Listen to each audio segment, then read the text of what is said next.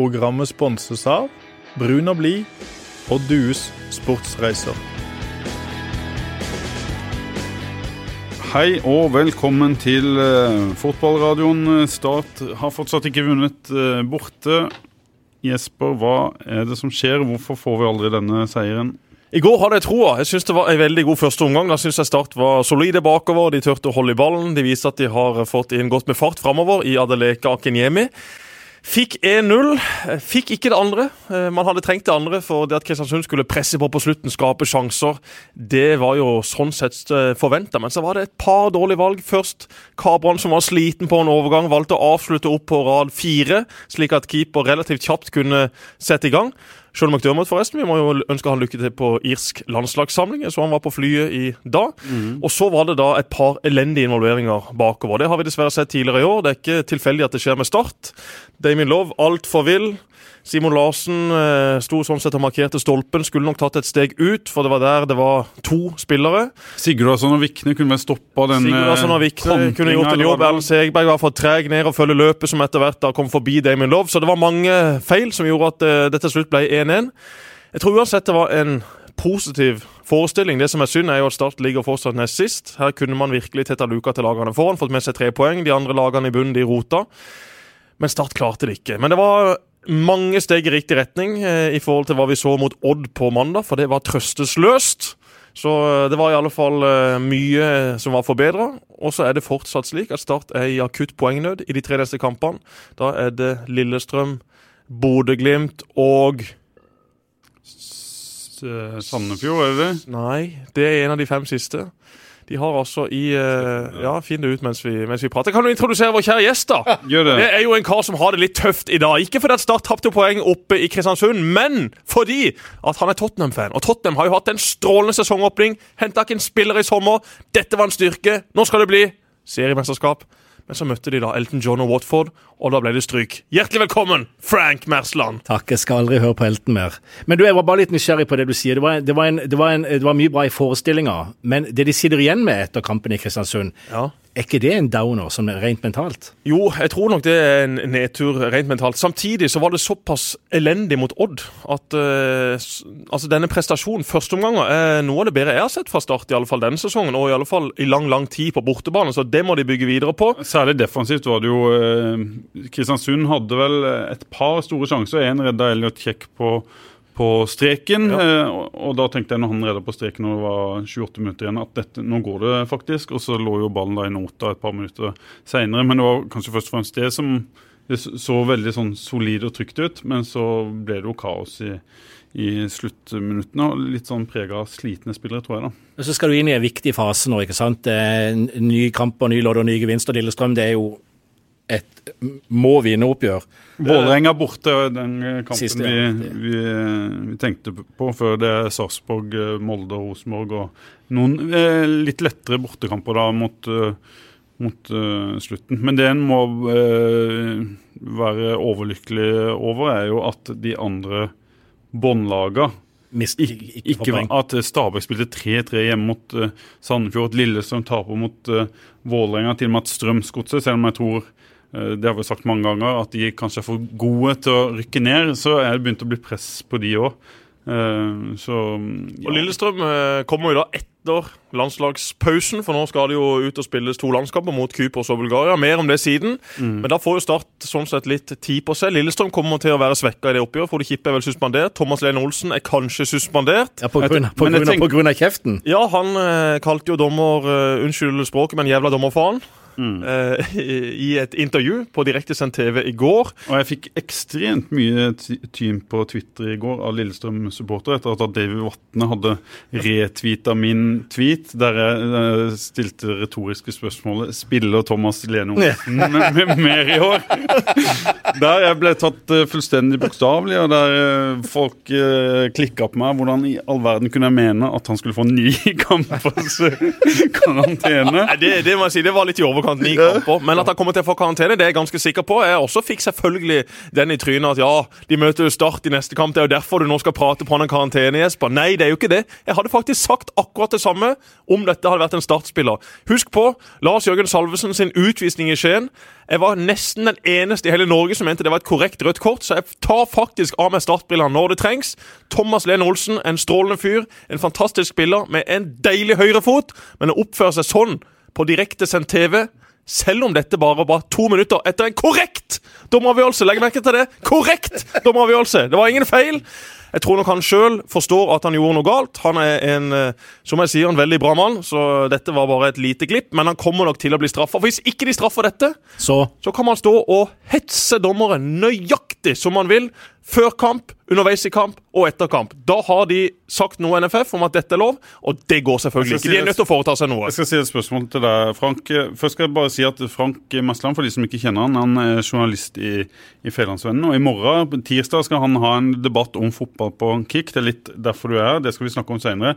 Men hvis det hadde skjedd i England, at en hadde sagt eh, 'jævla dommerfaren', eller hva som ble sagt etter en, tre en kamp Det hadde jo ikke vært mye, mye verre. Tre kamper i alle fall, og stort oppstyr i alle medier. Selvfølgelig vridd og vrengt på alle vis. Og så er det så mange som liksom skal forsvare Ja, men her er jo pulsen i 180. Her er det jo slik at hvis vi skal ha intervjuer med spillere rett inn til pause, så må vi tåle litt. Da må vi sette det ene etter det andre i ørene. Glem det, da. Det er ikke noe unnskyldning det for å oppføre seg sånn. Vi er voksne mennesker, så vi skal være forbilder for den oppvoksende generasjonen. Tenk på de ungene som løper rundt og ser på dette her. Skal de løpe rundt på Løkka og rope 'jævla dommerfaen' til dommeren hver gang han gjør en dårlig jobb? Selvfølgelig ikke. Dette kommer garantert til å bli straffa. Hvis ikke så skjønner jeg null og niks. Ja, Det tror jeg. Jeg tror jo han kommer til å få et eller annet for det. Hvor mye og hva, er litt usikker på. Riise fikk to kamper for å skjelle ut dommeren etter kampen oppe på Color Line. Men Og, det- det, men og, det det var jo, og der her. var jo ikke intensjonen å si det inn i en mikrofon engang. Selvfølgelig var det det. Ja, men- Jonas men- Riise gikk forbi dette her er ti kvadratmeter store kamerastativer. Han visste nøyaktig hva han gjorde. Han ble straffa.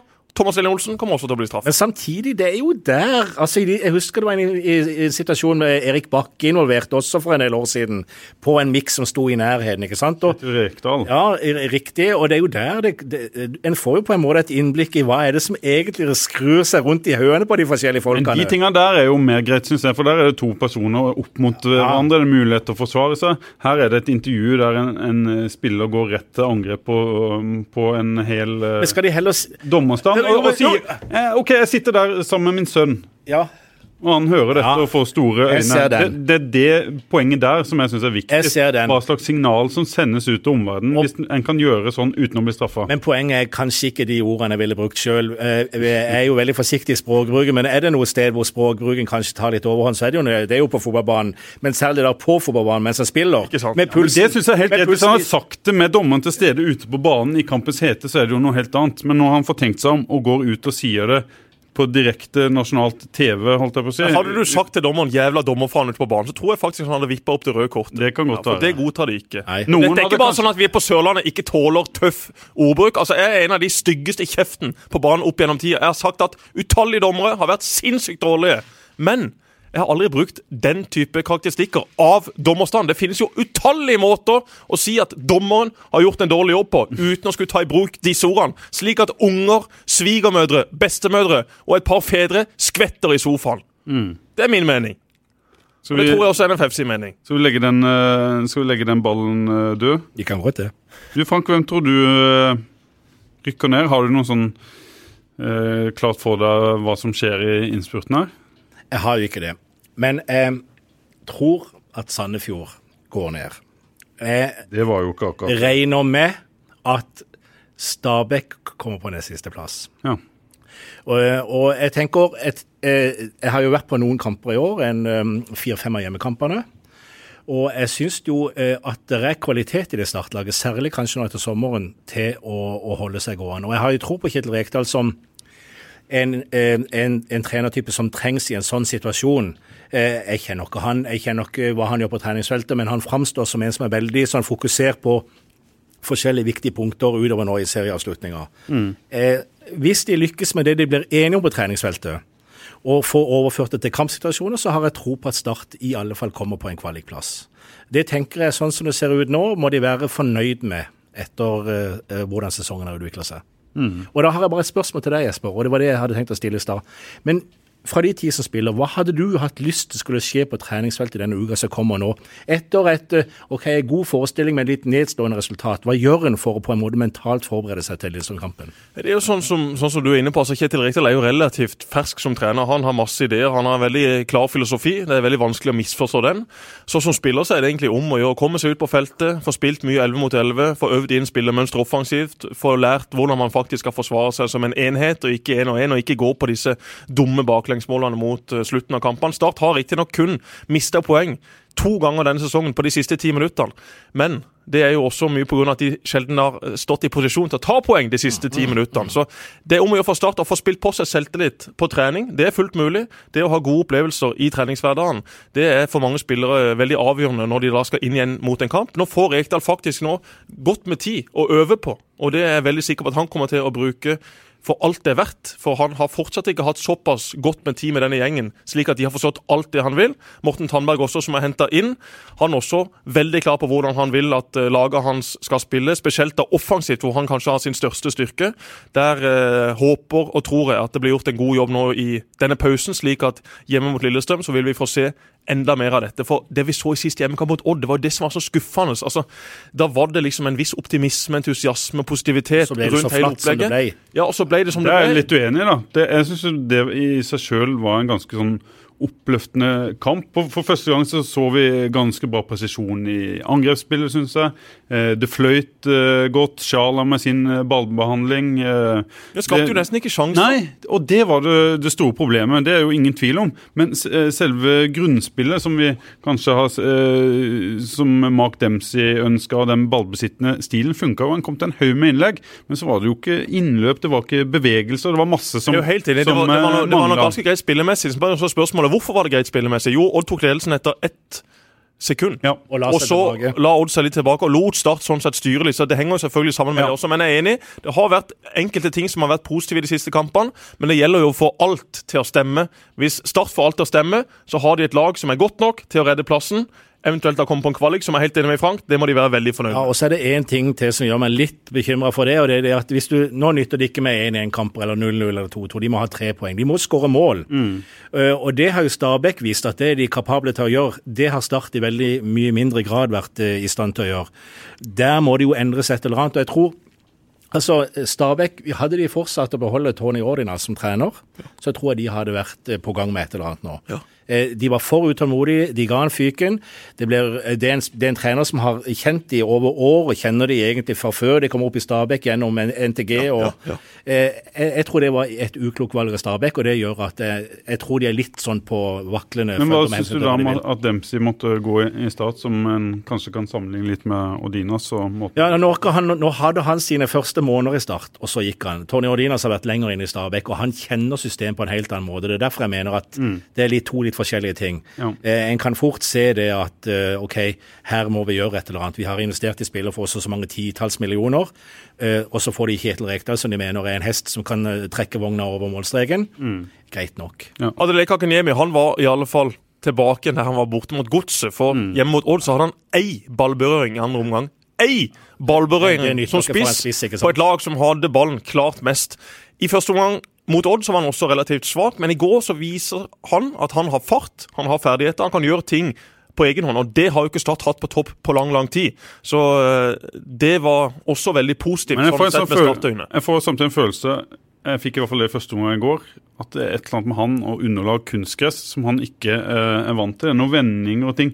Det er en, en timing som ikke helt eh, sitter. Han prøver på vanskelige ting som han kanskje har fått til på et annet eh, underlag, og så spretter ballen litt annerledes. og så får han kanskje ikke akkurat det fotfestet han har på, på gress. Er, er, det noe i det, eller er det en dårlig Det, det er som en Harry Kane i augustform. men, eh, men, eh, for å snakke da om startspisser, eller tidligere startspisser, ja. eller kanskje fremtidige startspisser. Lars Jørgen Salvesen, ja. fire mål på tre kamper. To flotte mål igjen i går for Ullkisa, som eh, feide Ålesund av banen. Han må vi også få gitt litt ros. En strålende fyr som nå får lov til å spille hver eneste uke. Og det sa vi jo, Pål, da han gikk til Kisa.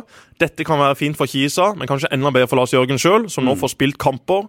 Han må bare fortsette. Jeg syns ikke han skulle gått uh, Kisa, da, når jeg ser uh, sammensetninga av den uh, startstallen sånn den er nå. Hvis det kommer en, en skade på en, på en, spiss, så kanskje la oss si at uh, Fosu Mensa, som jeg kaller han uh, Nei, han som heter Ibrahim Arafat Mensa, eller Arafat eller Mensa, han er jo da nummer tre eh, spiss, og det syns jeg er altfor alt for tynt. Særlig når en, ja. en i, i, perioder skal spille med to spisser. Det kan jeg være enig men som vi sa, for Kisas del og for Lars Jørgens del enig.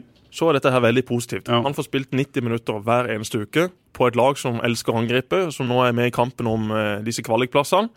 Strålende overgang for Lars Jørgen, strålende overgang for Kisa. Og så gjenstår det å se da om Start gjorde galt i å la han gå. Så kanskje det får vel, Jørgen tilbake til Sørlandet en vakker dag og hamrer inn mål. Det vet jeg iallfall sjøl at han har veldig lyst til. Men Det er kanskje heller ikke noe vi får, uh, får uh, svar på. For det kan jo hende han hadde sittet på benken resten av sesongen. Det er mye vi snakker om i denne podkasten vi aldri får svar på. Ja, det, er det, er jo det som det er, er, litt fint. Da. Det er det som er litt fint. Men fokuset til Rekdal, jeg skal si noe om det òg. Jeg tror det blir mye løping på, på trening. Kondisjonstrening nå de, de neste ukene. Jeg tror at han skjønner at uh, løpskraft blir uh, viktig i høstinnspurten her. og de, de, løper mer enn tidligere på, på trening. og Jeg syns igjen i går at vi ser tendenser til at, uh, at, de som må være i god form, kanskje ikke er i så god form som de bør være i. F.eks. Kabran som så fryktelig sliten ut i, i sluttminuttene. Han løp selvfølgelig mye. Akenyemi det samme, fikk vel krampe i leggen. Det var derfor han måtte ut, skulle ta et løp der og stoppa plutselig på, på midtbanen. Det er vondt å se på. Så får vi håpe at Sjala Det så ut som han tok seg litt til lysken faktisk da han skåra målet til, ja, det gjorde, det gjorde. til han, start. At, han, har vært bra, ja. både på trening og i kamp, så det har vært en uh, meget uh, bra signering. Absolutt. Skal vi gå videre til neste tema, Frank, for du er her uh, pga. en debatt Eh, som eh, vi har satt i gang. Vi prøver å sette litt dagsorden av og til. Eh, fortell om dette som skal skje i morgen. Det er en debatt med utgangspunkt i et enkelt spørsmål som sikkert har veldig mange svar. Hvorfor skal alle spille fotball? Og da hører de jo med en gang at det er jo ikke helt korrekt. Alle spiller ikke fotball. Men det er faktisk mange hundre tusen av barna i dette landet som begynner å spille fotball fra første klasse på skolen, hvor lappen enten kommer i sekken eller det står noe på hjemmesiden til skolen etter klubben. Og så begynner hele trinnet, eller hele klassen med gutter, å spille fotball. Og jeg tenker alle vi som sitter rundt bordet her, vet det at uh, av de 25 på trinnet, så er det ikke alle som har lyst til å spille fotball. Men de havner der. Og hva gjør det med fotballen? Hva gjør det med ungene? Sosiale miljø osv. Det har vi lyst til å prøve å få noe svar på i morgen. Kort fortalt. Hvem kommer, og hva slags uh, meninger har de? Eh, der kommer, eh, Vi begynner fra ytterst til venstre, sånn som jeg ser det for meg. da. Roger Gjelsvik han er utholdenhetstrener for Olympiatoppen. Eh, jobber i Olympiatoppen avdeling Hordaland. Eh, har da bakgrunn fra andre idretter enn fotball. Mener, eh, veldig tabloid sagt, at mange andre idretter går glipp av talenter han har vel sagt noe sånn som at OL-medaljer forsvinner ja, fordi ja, ja. det er for mange barn i fotball. Bar i fotballen som med fordel kunne holdt på med andre ting. Ytterst til høyre, for å hoppe, så kommer Viggo Strømme.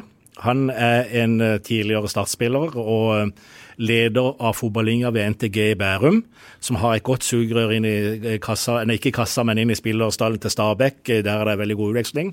Det spørs hvem som har sugerør hvor. Ja, det er jo motsatt, men det er ikke, ikke sant. Ja. Men, de er, men, men, eh, men, men, de er veldig tett knytta opp mot Stabæk og var mot Lyn tidligere og har en veldig sånn tydelig akademitenking. Henter masse impulser utenfra og, og, og, og er, opptatt av å på en måte legge til rette for at folk skal komme seg opp og videre. Og her er, er vi jo seint. Vi er jo på videregående, og de har jo en ungdomsskole også som er litt etter samme lesta, men opptatt av å utvikle de beste, gi de beste, aller best mulig eh, eh, arena for å utvikle seg til å bli toppspillere. Eh, og Han også har noen relativt sterke meninger om hva som må til. Han har lagt seg ut litt med NFF av og til, modelltenkinga, med akademi osv. Og, så og er samtidig veldig opptatt av å se hele mennesket. Så spennende derifra. Så har vi annonsert med Geir Torvund. Han måtte dessverre kaste inn håndkle eh, nå like før, men jeg har eh, prata med Egil Mølland i uh, Torvund er daglig leder i, i Vigør. Så det blir erstatta av Mølland i Gimletroll. Det er jo en fleridrettsklubb, men de har også ganske tydelige tanker om hvordan de rekrutterer. Så skal vi høre litt også ifra ei mor som hadde en sønn som begynte å spille fotball, og merka det var vondt i maven osv. Hvordan dette oppleves fra foreldreståstedet. Eh, det er de som er i panelet. Det er mulig vi tar og hiver på en liten en til der, ikke en, mm. men et menneske til. Eh, for eh, vi, vi ønsker jo litt sånn bredde om dette, og, og særlig også litt engasjement fra salen har det gjort seg. For jeg tenker Jesper, jeg husker med det. Du var, eh, jeg tror du var 15 når det første gang du slo tunnel på meg i starthallen en gang når vi var trent på en lørdag. Og det, det er det sykeste jeg har vært ute for. Jeg er ikke hjulbeint engang, men altså den ballen fikk du bare tredd gjennom. Så treffer jeg deg igjen et par år senere sammen med eh, pappa. Ja. Da sitter de oppe hos Per Ove Sødal og spiser frokost en lørdag. Vet ikke om du husker Pos, ja. Og så har du vondt i knærne, du er helt ferdig egentlig, og du vet ikke hva du vil, du har ikke så lyst til å spille fotball lenger, for det er bare møkk og tull. Og det er altså så mange som går gjennom både skader, og de blir utslitt og utbrent som 13-14-åringer. Så den delen av det òg med Det er jo mange som slutter å spille fotball. Hvorfor gjør de det? Når de er 13-14? Det er enormt mange som Ja, ja, Dette er jo en interessant debatt. Eh, jeg vet ikke helt hvor vi skal begynne, men, eh, men eh, for å ta, for å ta mitt, mitt tilfelle først, altså det er klart at du kan godt si at ja, altfor mange begynner å spille fotball. Eller mange som begynner å spille fotball, egentlig alle ønsker å begynne å spille fotball. I min klasse, eller min gjeng så var vi sikkert 25 stykker. 23 av de spilte fotball, to av de spilte ikke. De to av de aldri egentlig noe særlig kontakt med. De 23, der var det noen som var veldig gode, som trente hver dag. Som eh, Fotballen eh, var egentlig det de brukte tida si på. Og så hadde du noen som bygde sandkasse og, og lekte med Duplo fram til de var 15, og som aldri i sitt liv kunne blitt bedre til å slå innsidepasning. Om de hadde slått 10 000 innsidepasninger til, så hadde det ikke blitt ett tidel bedre. Men for et vennskap, for et samhold, for et miljø, for en læringsarena. Altså, jeg har eh, en samboer som har drevet med lagidrett, og hun har drevet med individuell idrett. Det er ikke noe tvil om hva hun egentlig syns er gøyest. Det å være en del av et lag, det å være en del av en garderobe, det å vinne sammen, tape sammen, snakke sammen, det å ha noen dele opplevelser med, det å ikke bare være sammen med en gjeng, unnskyld at jeg sier det, kjempeegoister. Det er utrolig verdifullt. Så jeg syns jo at fotballen Ja, du kan godt sitte og kritisere det og si at ja, det går glipp av mange gullmedaljer, men det er nå engang sånn at fotballen er verdens største idrett, er Norges største idrett, er Norges mest populære idrett alle begynner egentlig å spille fotball. Hvis du er god til å spille fotball, ja, så ender du ikke opp med å løpe rundt i skauen og drive med orientering. Veldig tabloid sagt. Mitt tilfelle, ja, jeg ble skada. Jeg syns ikke det alltid var så gøy til tider å gå rundt med noen knær som ikke fungerte. Nå sitter jeg her og akkurat bikka 30 og har ikke hatt knær som fungerer på et par år. Men jeg vil jo ikke bytte det ut for noe i verden. Alt det fotballen har gitt meg i form av opplevelser, vennskap, hvordan man lærer seg å tape sammen, vinne sammen, takle medgang, takle motgang. Altså Det har vært helt, helt enormt. Og dette er jo ikke bare i fotballen, dette er jo i veldig mange forskjellige idrettsgrener. Men vi, vi, vi må liksom ikke syns jeg, da, være så, så, så, harde og tøffe med fotballen. Akkurat som fotballen er den store stygge ulven. Ja, det finnes masse mindre idretter som er kjempemisunnelige på fotballen. Det vil alltid være. Sånn har det alltid vært. Men da syns jeg heller de skal begynne å se seg sjøl i speilet, hva de kan gjøre for å rekruttere enda flere, i stedet for å si at ja, men fotball spiser opp alt. Men de, du sier jo sjøl, av 25 så var det to stykker som ikke var med og spilte fotball. Du har ikke hatt kontakt med dem. Det er jo det som kanskje også er redselen hos veldig mange foreldre. Hvis ikke du begynner å spille fotball, så faller du utenfor det sosiale på skolen, og så kommer fotball-SFO, så er det halvannen time til der hver dag. Som ikke du får lekt med dem når du er så ung, ikke sant. Så går du og ringer på døra, men alle er borte, de er på fotballtrening. Og da sier foreldrene til barna sine å, begynn å spille fotball. Og så blir det sagt over hele Smøla, fordi alle skal spille fotball. Mens det er mange som egentlig Altså, du har korps, orientering, som du nevnte, speider, turning, stup, musikk. Det er mange andre ting. Men de blir på en måte tatt litt av situasjonen. For de vil ikke gå glipp av det sosiale. Og det tenker jeg er verdt en debatt. Er det nødvendigvis sånn at det er bra? Kan klubbene være litt annerledes i rekrutteringa? Ja, altså, sånn som fotballen i Norge er, så er jo ikke fotballen slik at den spiser opp alt og skal bare ta seg av det, som er gode. Det er helårsidrett. Ja, det er helårsidrett. Ja, men altså, Pål Au har jo unger i, i, i Gimletroll. og det er klart at Jeg vet jo at mange Gimletroll og andre klubber helst skulle se at det var mer differensiering. At det ble brukt mer tid på de som virkelig vil, og mindre tid på de som egentlig bare er der og skal ha spilletid og ei treningstakt og ha det sosiale. Men det er jo det som er det flotte med fotballen i Norge syns mange. Jeg er jo tilbøyelig til å være litt uenig med det. for Jeg skulle gjerne sagt at det var enda råere og en, et litt annet tankesett. Men når det en gang er som det, så er jo faktisk fotballen i Norge sånn at den ivaretar alle de som er best.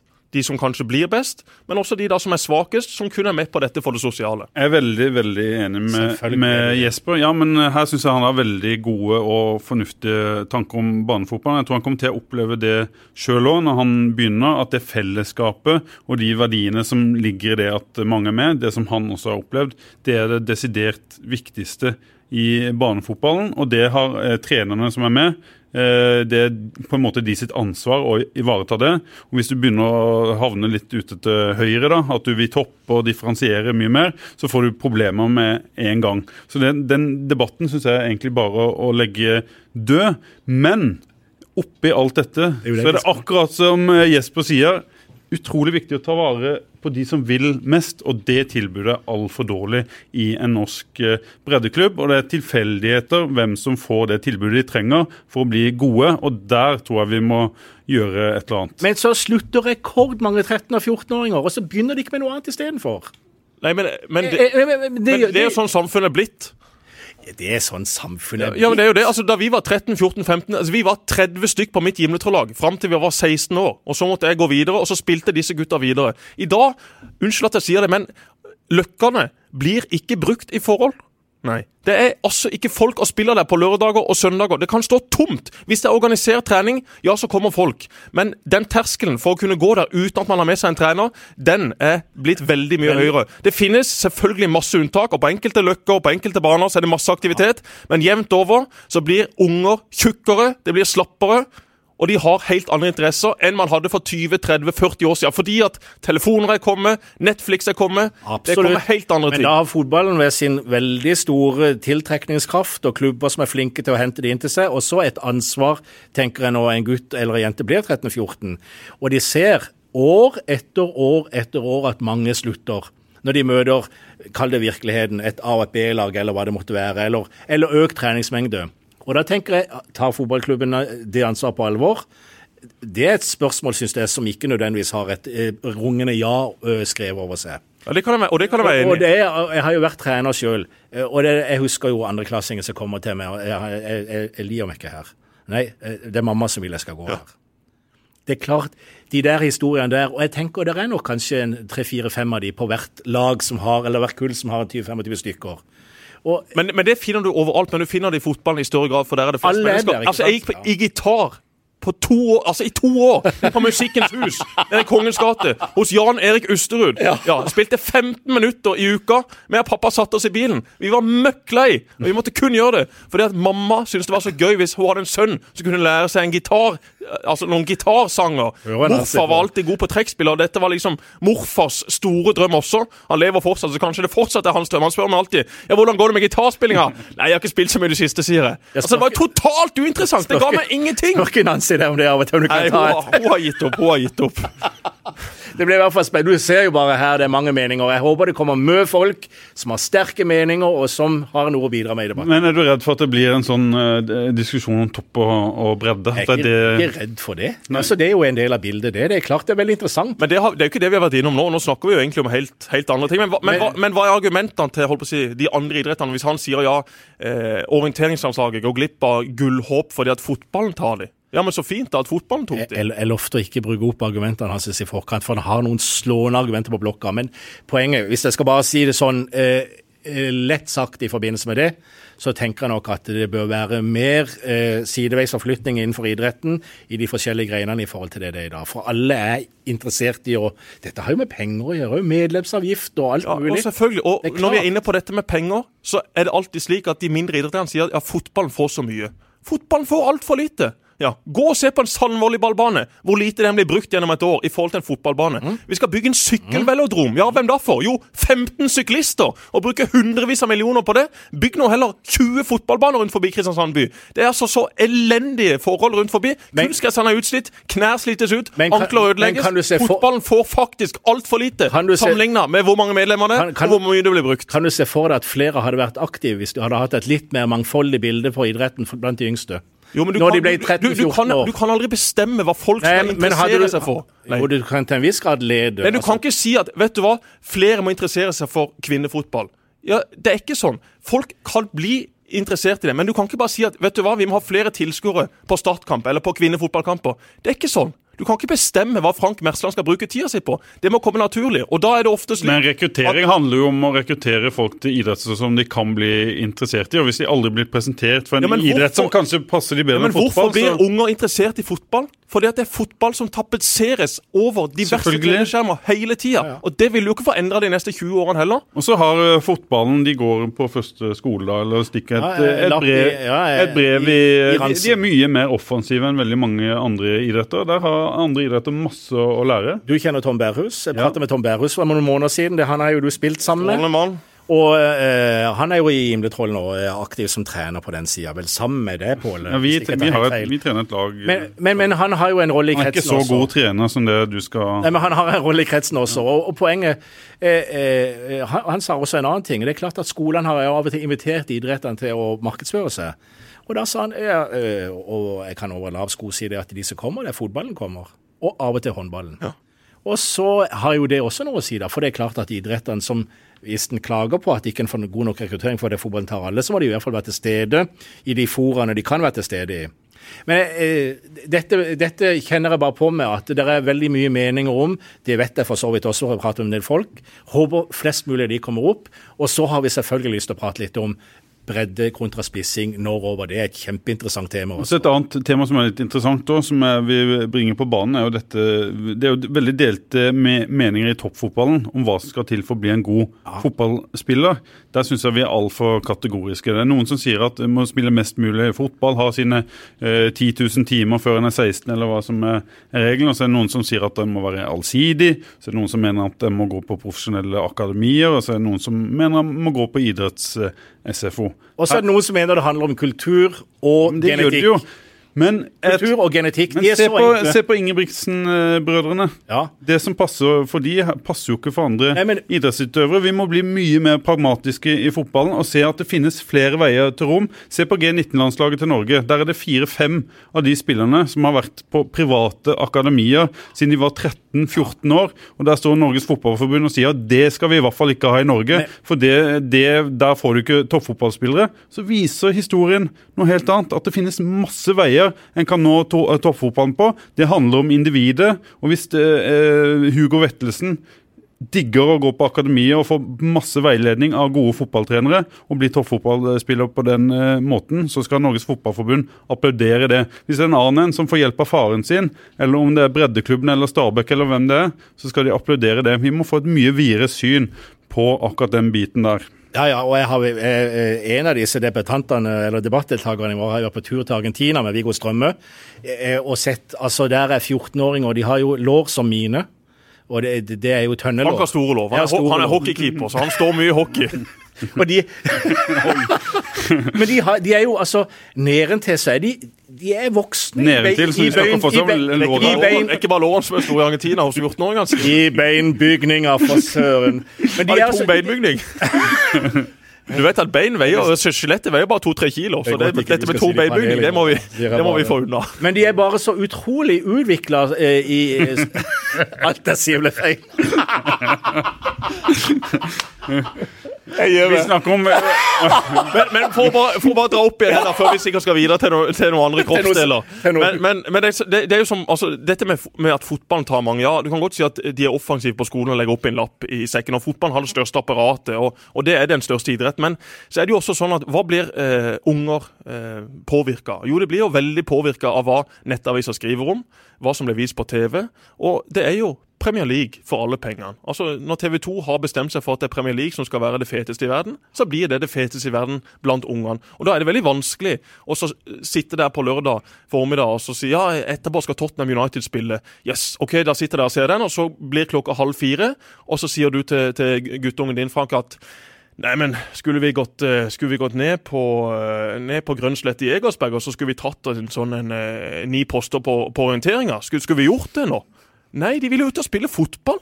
Fordi at de blir påvirka av hva som skrives om, hva som snakkes om, hva som preger dette verdensbildet. Det er jo ikke verre enn det. Og det vil jo aldri noen få endra, for det finnes jo ikke seere på andre idretter sammenlignet med fotball. Ja, håndball har mye seere i desember, men utenom det så er det jo ingen som bryr seg. Derfor har jo alle andre idretter en veldig tøff utfordring opp mot fotballen. og jeg liker liksom ikke at fotballen skal bli satt opp mot alt annet. Det er liksom Fotballen får for mye oppmerksomhet. Det skrives for mye om fotball. Ja, Men hvorfor gjør det det? Altså, Dere må jo skrive om det folk vil lese om. Ser ikke, du, ser ikke du også at dette er noe som er selvforsterkende? Jo, selvfølgelig gjør jeg det. Altså. Og, jeg, og, jeg, er jo veldig sånn, jeg, jeg, har jo alltid vært veldig sånn fotball. Altså, Alle i min klasse som spilte håndball, det var hens. Alle som ikke var med på fotballen, OK, ja, ja. de får nå bare holde på med sitt. Så jeg er nok litt skrudd og litt spesiell på akkurat dette området. Men du ser at det, når, det, når, det, viser så mye, når det snakkes om, og det er det man går og trener, så er dette bare en sånn Du kommer på en måte ikke ut av det, og det kommer til å forsterke seg, forsterke seg, forsterke seg. Det er det som er mitt poeng. Du vil ikke bli kvitt det. Dette vil bare Men bli verre det, og verre. Er det bra? Ja, du sier verre og verre. Er det ja. riktig? Verre og verre? Ja, det er jo det opp, opp mot andre idretter, så er det jo ja, det. Og kanskje, det, viktigste, det viktigste er å holde fotballen tar det sånn. Det viktigste er å holde folk i aktivitet, og jeg tror det at uh, hordene går til fotballen, er jo med å, holde folk i aktivitet. For du, folk slutter jo ikke med en gang. Og det er jo tegn på at det, det, finnes jo trivsel, det finnes mestring. Masse gode ting med fotballen som holder barna der. Og de tingene skal vi selvfølgelig Men Hør nå her. Ja. Altså, Det gøyeste var å dra med Don på tur til Dana Cup og stikke ut gjennom vinduet på kvelden og komme inn. Ikke sant? Jo, jo og, og spille kamper og vinne. Ja. Og få et klapp på skuldra og den der gode mølja etter du har skåret et mål og det er ett minutt igjen. Fantastisk. Og kameratskapet. Jeg vil ikke unnvært ett sekund. Og når du kommer tilbake som Aalborg-spiller, 33 år gammel, og treffer de samme du har spilt mot for ti år siden, så er de der fortsatt litt feitere og litt tregere. Men da tar du de der 15 minuttene etter kampen. Når du prater med, med, med Rune Fredriksen fra Grim, ja, hva holder du på med? ikke sant? Og så, Det var første å spille mot, for han var bare knokler og armer. Og så er det så gøy, og det er så deilig, og jeg er helt enig med det.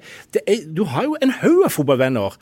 Jeg husker i, altså, fotballfamilien. Ja var et begrep som Svein Mathisen var veldig opptatt av. Ja. Det sa han i et intervju i, Ja, men du er jo en del av fotballfamilien. ikke ja. sant? Du har drevet og regga rundt på Løkka og spilt kamper på lavere nivå, hva det måtte være. Men alle kjenner alle, så å si. Og så har du det med deg hele livet. Ja. Men det er noen som er der uten å ville være der. Og det tenker jeg, det må være lov å stille et spørsmål hvorfor det er sånn. Og om det er bra, og om det kan gjøres på en bedre måte, og om det er noe klubbene kan gjøre, osv.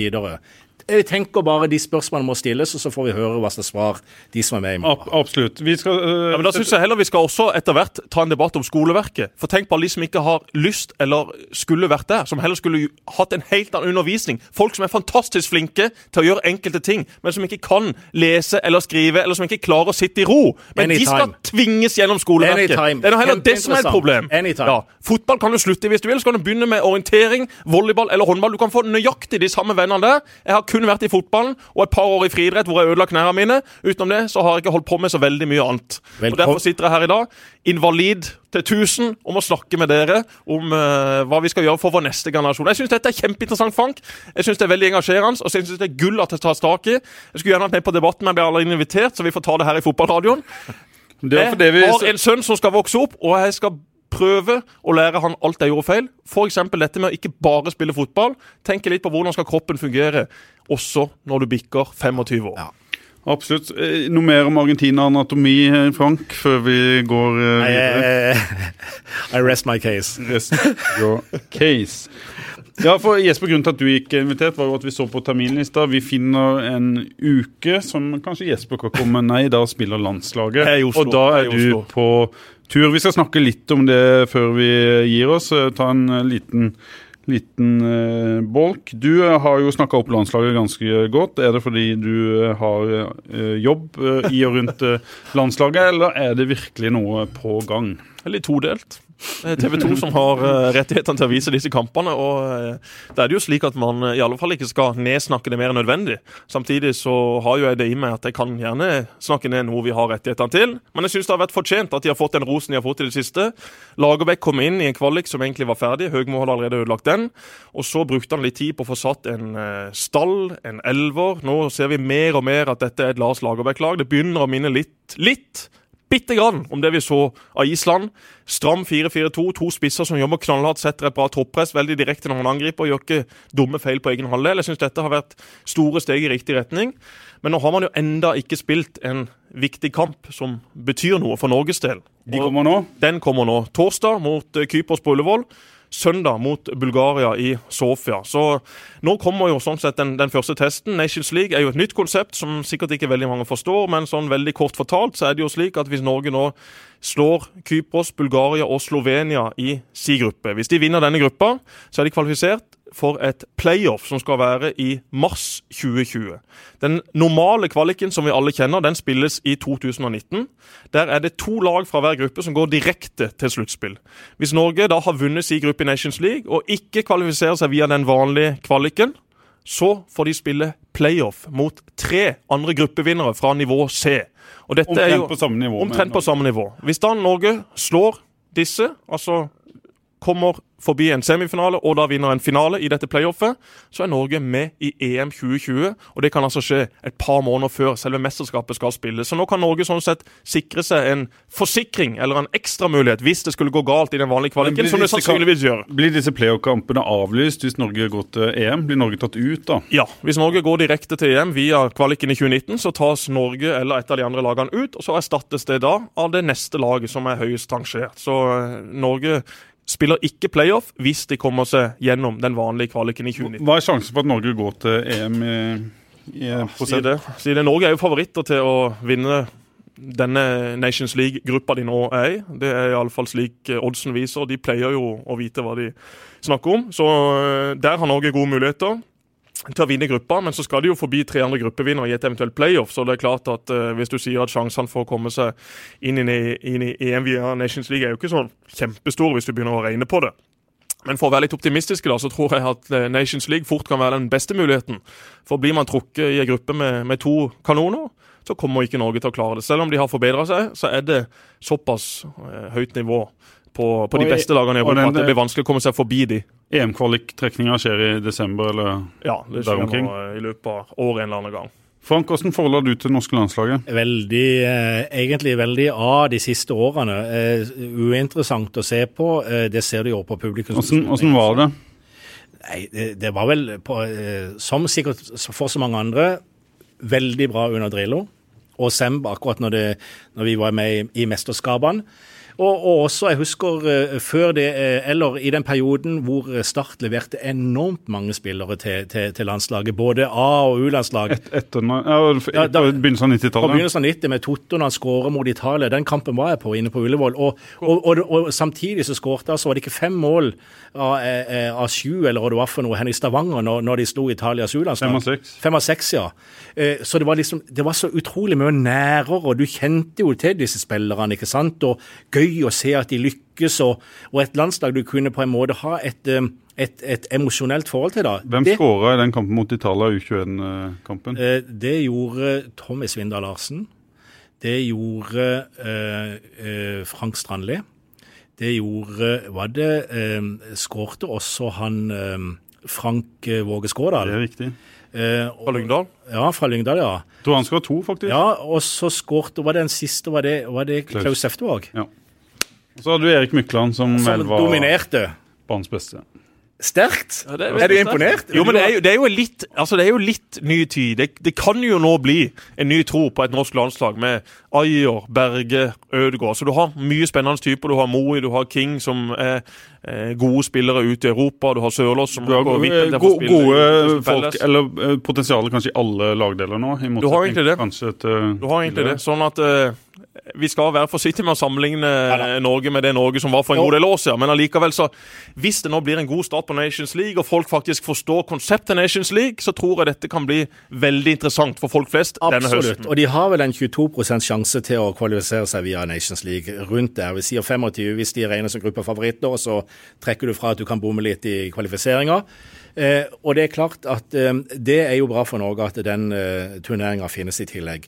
Samtidig så syns jeg å huske det at eh, da de var veldig gode internasjonalt og nådde høyt opp på Fifa-rankinga, så hadde de en haug med spillere som spilte i gode klubber, hadde viktige roller og fikk en mentalitet med seg der utenfra ja. som de tok med seg tilbake. Og hadde en trener som virkelig, eller to trenere, men først og fremst Drillo, men også Sem til en viss grad, som visste å omsette dette inn i landslaget. Så det er jo bare å håpe at Lars Lagerbäck får med seg de impulsene utenfra. Den derre eh, treningsvilje og evne og økte ferdigheter Eh, for vår liga er jo nummer 29, Men det tror jeg... nummer 29 i ja, Men det kommer til å stige. Ja, Nå har vi to lag i Europaligaen. Ja. Sverige har ett, Danmark har ett. Jo, men bare sånn, bare, bare, jeg skal være veldig, veldig kjapt. Jeg håper bare han klarer å ta med seg det som er utenfra, ja. og kjøre det inn i landslagsgruppa og si dette her må vi lære litt av. Gutter, dette skal vi få til sammen. Ja. På grunn av at uh, de Men kan... hva var det som skjedde med Drillo? Det tror jeg folk eh, helt har glemt. De spillerne han starta kvaliken med, de var jo ikke ute i store klubber. Det var når, Norge begynte å vinne med landslaget. At Ronny Johnsen. Premier League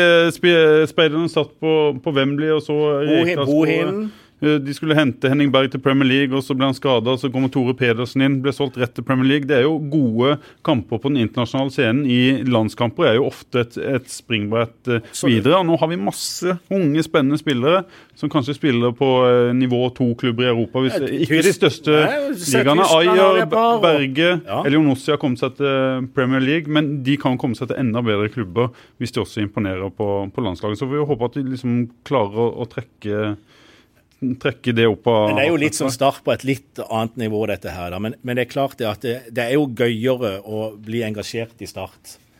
Uh, nå går sjefredaktør Eivind Jøstad forbi på utsida av kontoret. Han er Arsenal-tilhenger med en lapp hvordan gikk det med Tottenham i helga? Eivind Jøgstad. Eivind Jøgstad! Det er helt riktig. Men, men du, du, du, må ha, du, må ha, må du må jo ha et emosjonelt forhold til det der uh, landslaget også. Det nytter ikke bare å si vi har gode spillere. Resultatet har mest å si men at du også kan kjenne deg igjen i at dette er et landslag jeg liker, det er et landslag jeg heier på.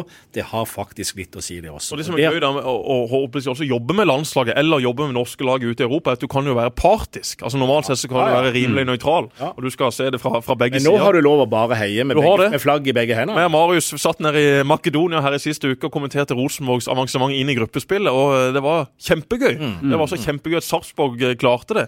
Skopje, eh, for de som skal reise dit, ikke har på telefon, for de er utafor EU. Og det er noen helt elleville takster på mobil datasurfing. Det å ringe telefoner. Så etter én dag så var jeg inne og sjekka på min Telenor-app. Siden da så var mobilen skrudd av. Og ikke kjør bil inn i gamlebyen i Skopje, for da havner du rett i markedet, og du kommer deg ikke løs. Akkurat. Akkurat. Skal, vi si, skal, vi si, at det er dagens eh, beste råd for alle som skal til Skopje? Skopje ja, jeg, vil, jeg vil ikke trakte etter å ha reist dit, altså. Jo, det var liksom ikke Det var ikke en perle, men det var i alle fall eh, en eh, Jeg lurer på om man faktisk har vært der en gang og dekka landskamp for det må være 15 år siden. Kan det stemme at Norge spilte mot Makedonia? Norge spilte mot Makedonia Skopje også i fjor. Steffen Iversen skåra vel, jeg har vært der. Ja, Nok Skopje for i dag. Ikke reis dit hvis ikke dere må. Men Vi sier takk for i dag, og så eh, må vi bare oppfordre folk Lykke til med debatten. Blir den lagt ut noe sted? Ja, den går live på uh, våre sider. Men er det mulig å få den uh, Får man den Håper å si man kan, man kan se den i, i, i etterkant? Blir det lagt ut som en podkast også? Det er lagt ut som en stream som sikkert kan ses i etterkant. Den kan ses i Men viktigst av alt å si, det begynner halv sju på Kick. Halv syv på Kick. Ja. Og jeg syns det blir veldig interessant å høre på dette, for jeg er jo veldig sort-hvitt og liker å ta et standpunkt. Men og du er i EU, sånn at du får sett det uten å bruke for mye penger? Der har jeg tilgang til både Wifi, 3G, 4G og Edge, så dette kommer nok til å gå veldig greit. Men jeg syns det er gøy å høre den type debatter, for det finnes veldig mange mennesker som kom mye mer om meg enn enkelte av disse tingene. Så jeg skal love deg, Frank, at jeg skal både høre og se gjennom dette. Og så gleder jeg meg til å høre deg lede debatten. Ja, jeg får vel ternekast neste uke. Det gjør du. Programmet sponses av Brun og blid og Dues sportsreiser.